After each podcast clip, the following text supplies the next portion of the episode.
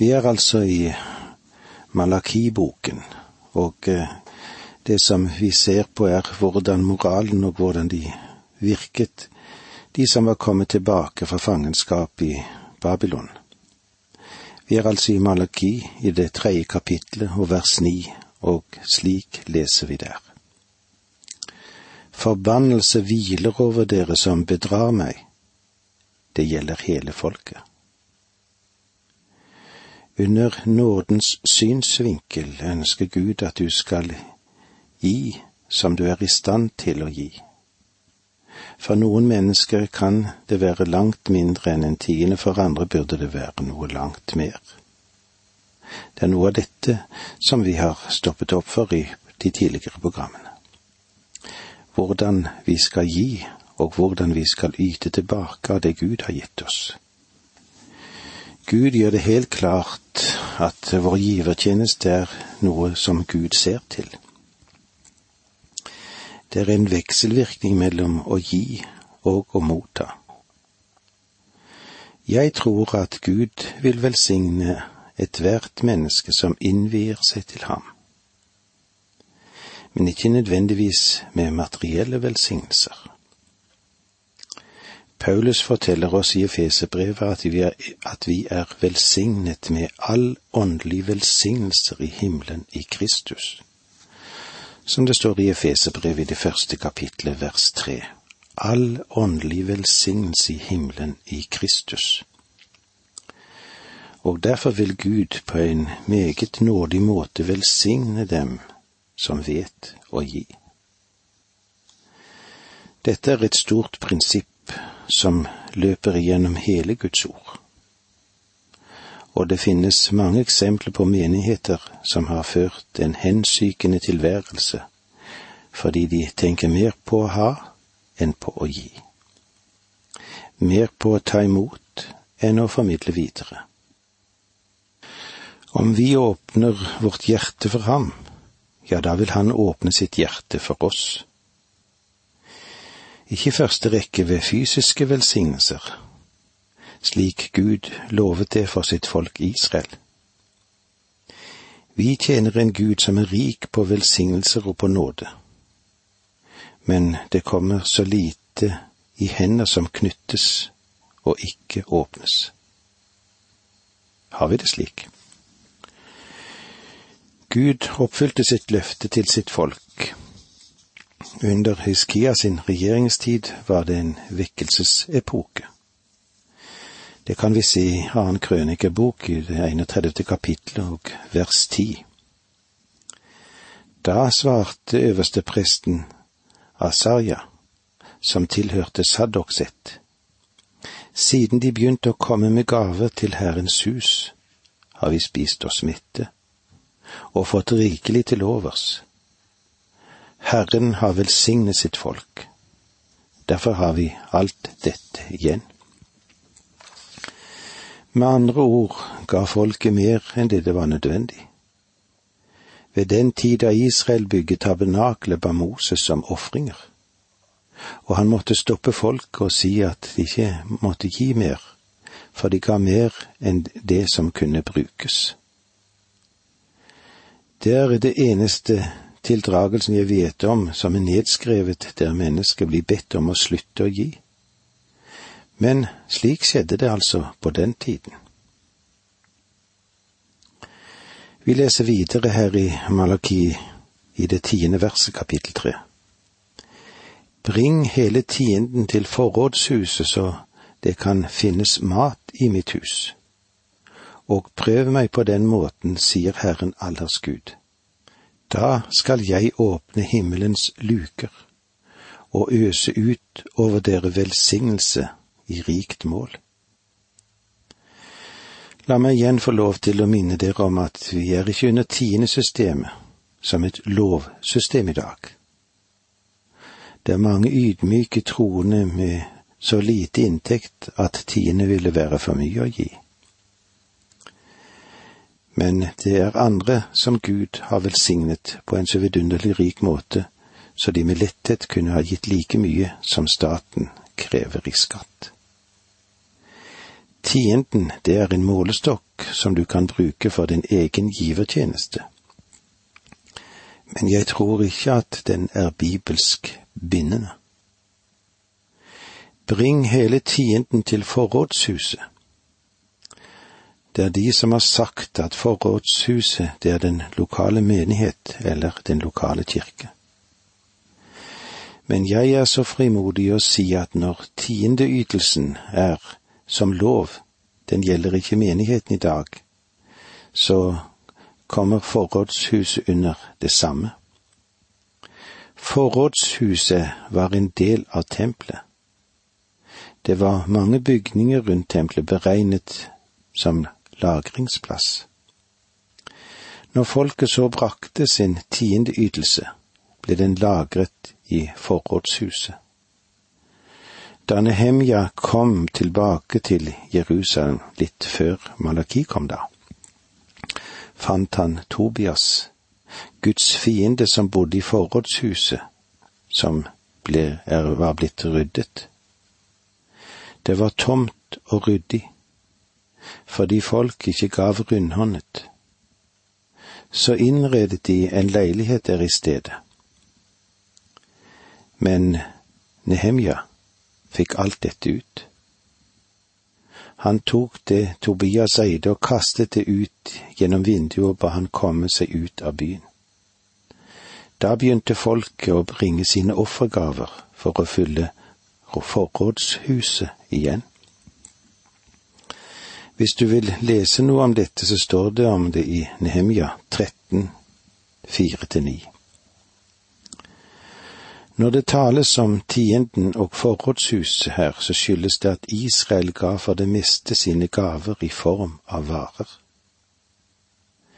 Kikker du på loven som dreier seg om ofringene, så vil du se at Gud ga en viss del av dyret til prestene. Og han sa alltid at de skulle spise det der. De hadde ingen kjøleskap, heller ingen fryseboks ingen måter å bevare kjøttet friskt på. Med dette varme klimaet ville kjøttet fort bli ødelagt, så Gud ba dem om å spise det med en gang. Andre landbruksprodukter, de ble lagret der til de hadde behov for det. Vers 11 jeg vil skremme gresshoppene bort fra dere, så de ikke ødelegger grøden på marken. Frukten skal ikke slå feil på vintrærne i hagen, sier Herren allers Gud. Når de var romslige med Gud, så sa han, Jeg vil åpne himmelen og øse ut velsignelse over dere, og jeg vil skremme gresshoppene Gresshoppene hadde en umettelig appetitt. De spiste alt de kunne komme over av grønt og lot marken, trærne og buskene stå nakne igjen. Mange av de plager som kom over Israel, kom gjennom gresshoppene. Men nå sier Gud altså, Jeg vil skremme gresshoppene for deres skyld så de ikke ødelegger grøden på marken, frukten skal ikke slå feil på vintrærne i hagen, sier Herren allers Gud. Med andre ord ville deres anstrengelse gi en god og stor avkastning. Vers tolv Da skal alle folkeslag prise dere lykkelige for at da har dere et ønskeland, sier Herren allers Gud. Da Israel var rett i forhold til Gud, ble det en velsignelse for andre folkeslag i verden. Ærlighet mot Gud, og du kan ikke ha hellighet uten ærlighet. Det var det som gjorde dem til en velsignelse for alle folkeslag, slik som det står i Zakaria 8,13. Like som dere har vært en forbannelse mellom folkeslagene, du juda ett, og du Israel sett, skal dere bli til en velsignelse når jeg frelser dere. Frykt ikke, men fatt mot. Og med disse ordene takker vi for nå. Må Gud være med deg. Dette undervisningsprogrammet består av to deler. Åge Nevland fortsetter nå med andre del av dagens undervisning. Vi er i profeten Malaki, og vi er i det tredje kapitlet der, og vi ser hvordan folk irettesettes for religiøse synder, og hvordan det er når Gud griper inn. Og han vil gjerne velsigne sitt folk. I det tolvte verset i kapittel tre leser vi slik. Da skal alle folkeslag prise dere lykkelige, for da har dere et øns ønskeland, sier Herren allherrs Gud. Dette peker altså fremover, men Gud sa at da ville han gjøre dem til en velsignelse for folkeslagene. Når Israel tjener Gud, blir det til velsignelse for alle folk. Når vi nå går videre og kommer til det trettende verset, vil vi se den åttende og siste spydige bemerkningen som israelsfolket uttalte som svar på Guds påstand. Vers 13 Dere taler harde ord mot meg, sier Herren, og likevel spør dere, hva er det vi har sagt mot deg? Folket svarte, vi kan faktisk ikke huske at vi har sagt noe mot deg. I hvert av sine svar peker Gud klart på hva det dreier seg om. Vers 14 Dere sier det er fåfengt å dyrke Gud.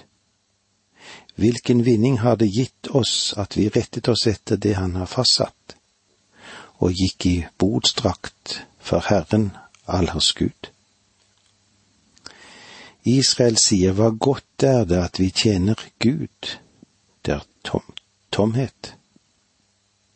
Og for dem er det tomhet fordi deres hjerte ikke er i det.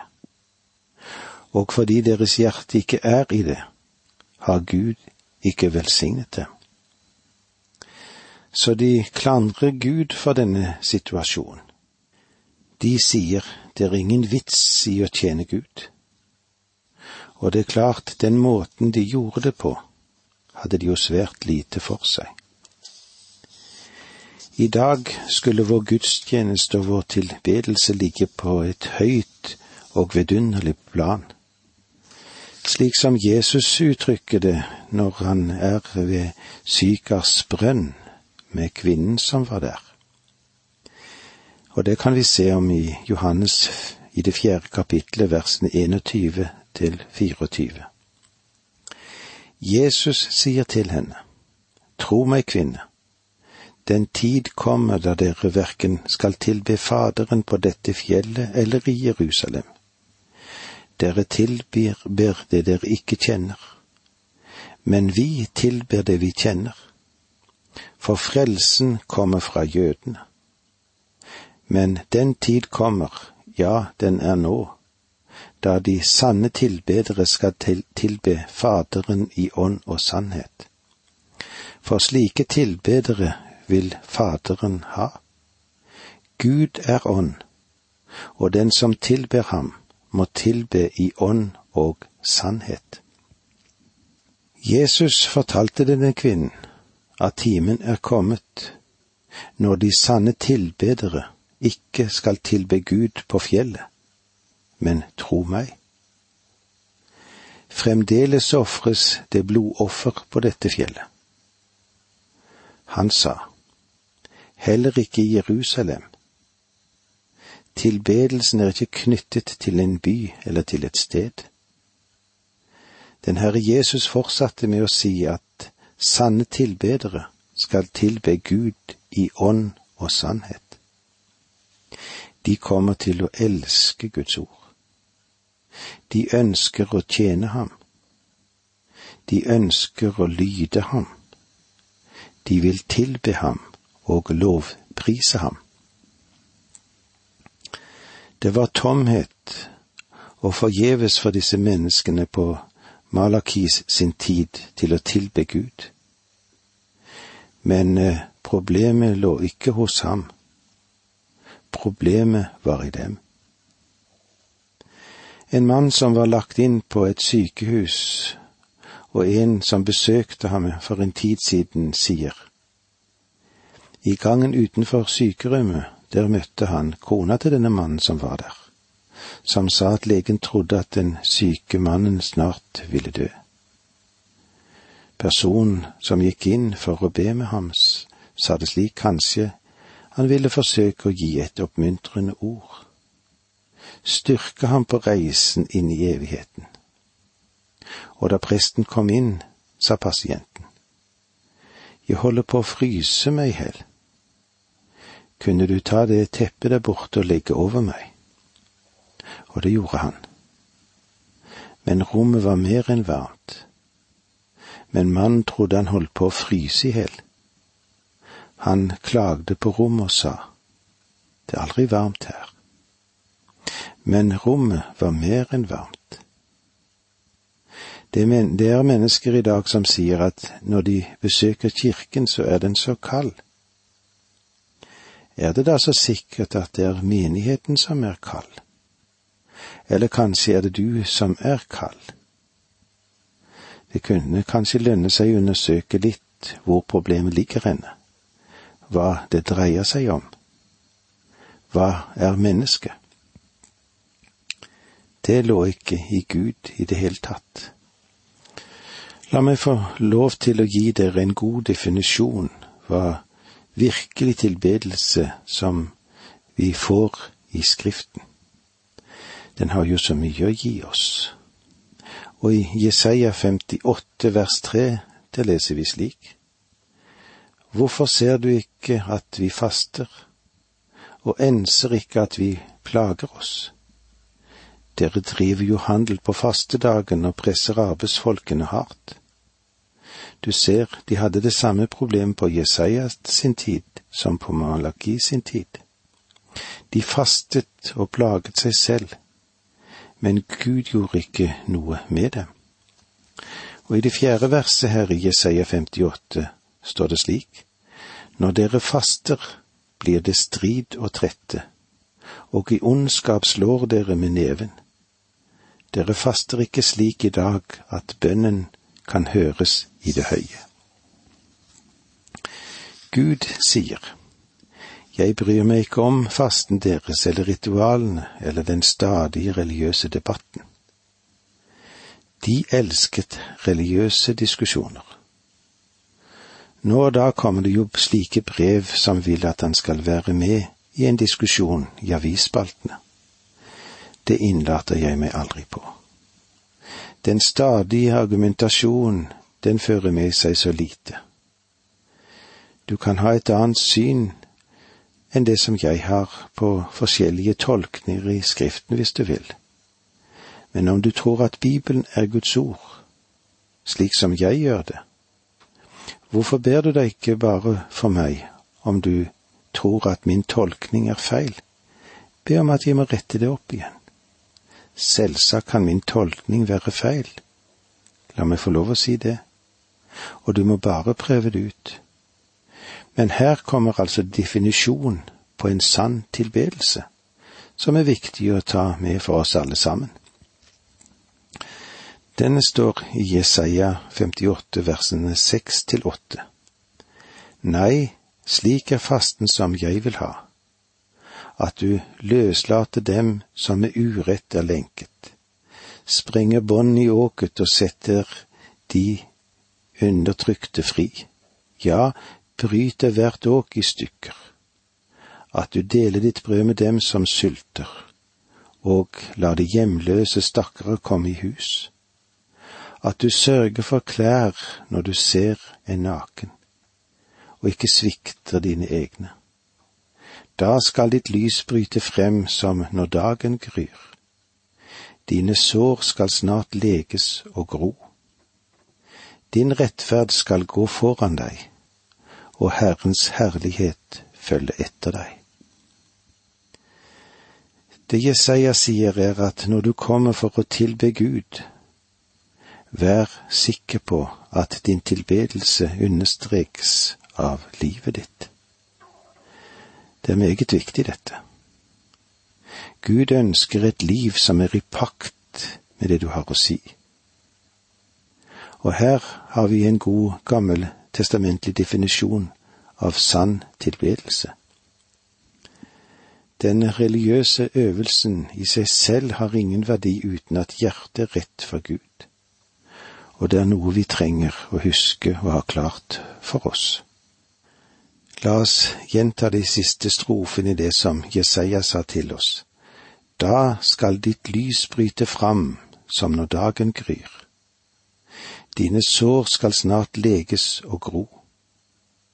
Din rettferd skal gå foran deg og Herrens herlighet følge etter deg. Det er godt å vite det, at sårene skal gro, de skal leges, og din rettferd skal gå foran deg, og Herrens herlighet følge etter deg. Og med disse ordene så sier vi takk for nå, må Gud være med deg.